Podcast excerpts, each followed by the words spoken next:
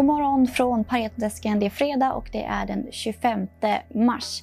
Det fortsätter att vara volatilt ute på börserna och jag tycker jag säger samma mening varje morgon. Men det är så det har sett ut de senaste dagarna. Det svänger upp och det svänger ner. I onsdags så såg vi ju breda nedgångar men igår så vände Wall Street återigen upp och S&P för handel stängde på plus 1,4 procent. Här i Sverige har det hänt en hel del eh, under morgonen. Vi har fått en del pressmeddelande. Husqvarna vinstvarnar. Tele2 förväntar sig att slutföra avyttringen av T-Mobile Nederländerna inom de kommande veckorna.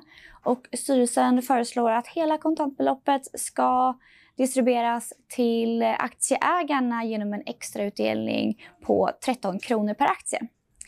Trelleborg-koncernen har tecknat avtal om att avyttra sitt affärsområde Trelleborg Wheel Systems till Yokohama Rubber Company för 2100 miljoner euro motsvarande 22 000 miljoner kronor på kontant och skuldfri basis. Nu ska vi prata lite fastigheter. Vi har nyligen släppt ett eh, en sektorrapport över kontorssegmentet som vi ska prata mer om nu. Om man ser till hela, he, hela fastighetssektorn så var 2021 ett väldigt starkt år för sektorn. Vårt svenska fastighetsindex steg 57 procent.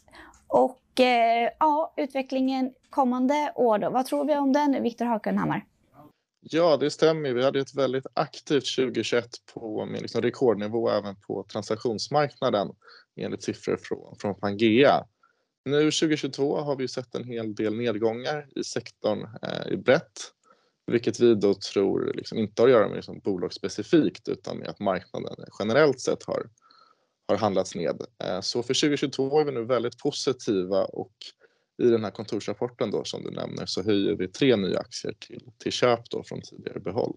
Kontorssegmentet gick ju också starkt även om det laggade övriga index upp 20 så eh, vi har, fått en, eller vi har sett en spread där och det här är ju då på grund av eh, rädslan för working from home och att kontoren ska stå tomma. Är den här rädslan överdriven tycker, tycker ni?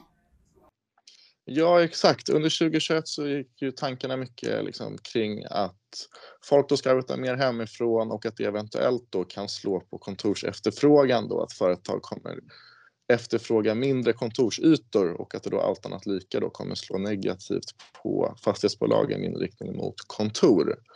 Men vi tycker nu att det är lite överdrivet. Vi ser ju att allt fler återvänder till sina jobb i och med, i och med de här lättade pandemirestriktionerna.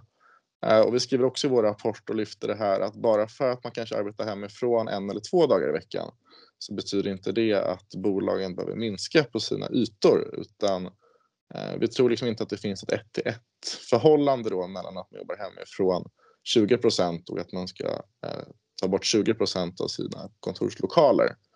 Eh, vi vet ju alla liksom fördelarna med kontor, eh, att med de sociala delarna men också liksom, eh, bekvämligheten att få, få sin egen plats istället för att varje morgon springa runt och leta, leta dator. Och sen så genom eh, Q4-rapporterna som publicerades här för ungefär en månad sedan eh, och också genom att prata med bolagen då så ser vi nu tydliga positiva eh, tecken då på att pandemin och rädslan då för working from home är, är helt överdriven.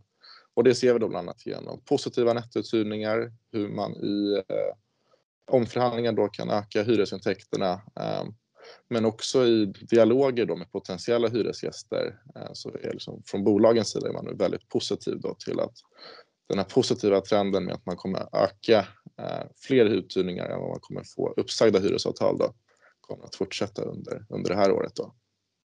Hur värderas kontorssegmentet nu?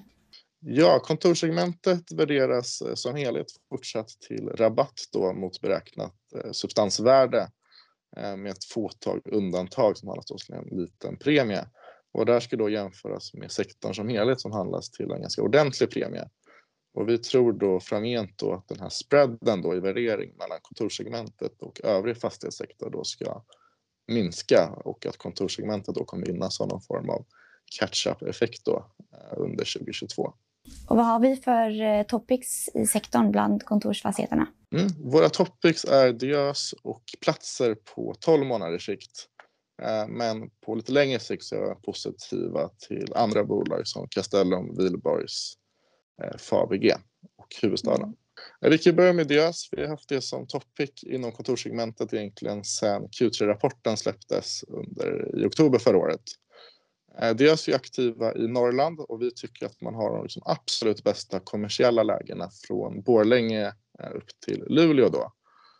Och eh, vi tror att den här gröna revolutionen som äger rum i, i Norrland då, med bland annat Northvolt i eh, Skellefteå, kommer öka till eh, ökade hyresintäkter för Diös.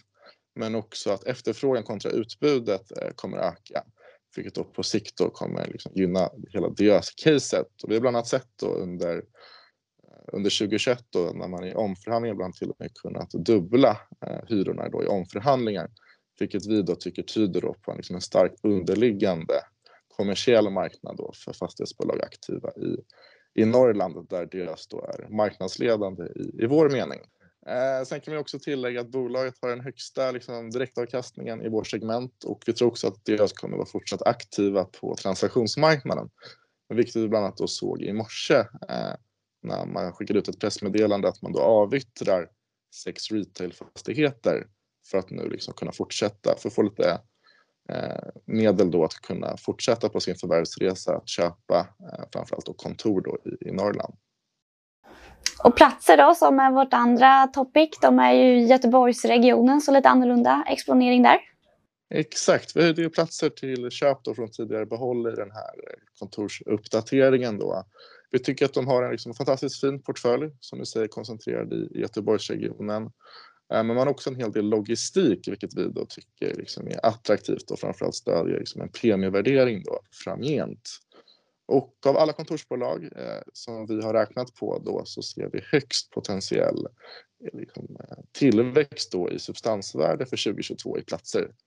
Eh, och sen ska vi också komma ihåg att eh, när vi har tittat lite närmare på hyresnivåerna då så ser vi också potential för det här bolaget att kunna höja sina hyror med ungefär 40 procent för att nå marknadshyra.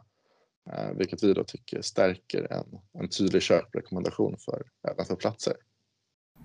Mm. Så det var två av våra topics i kontorssegmentet alltså. Tack så mycket Viktor.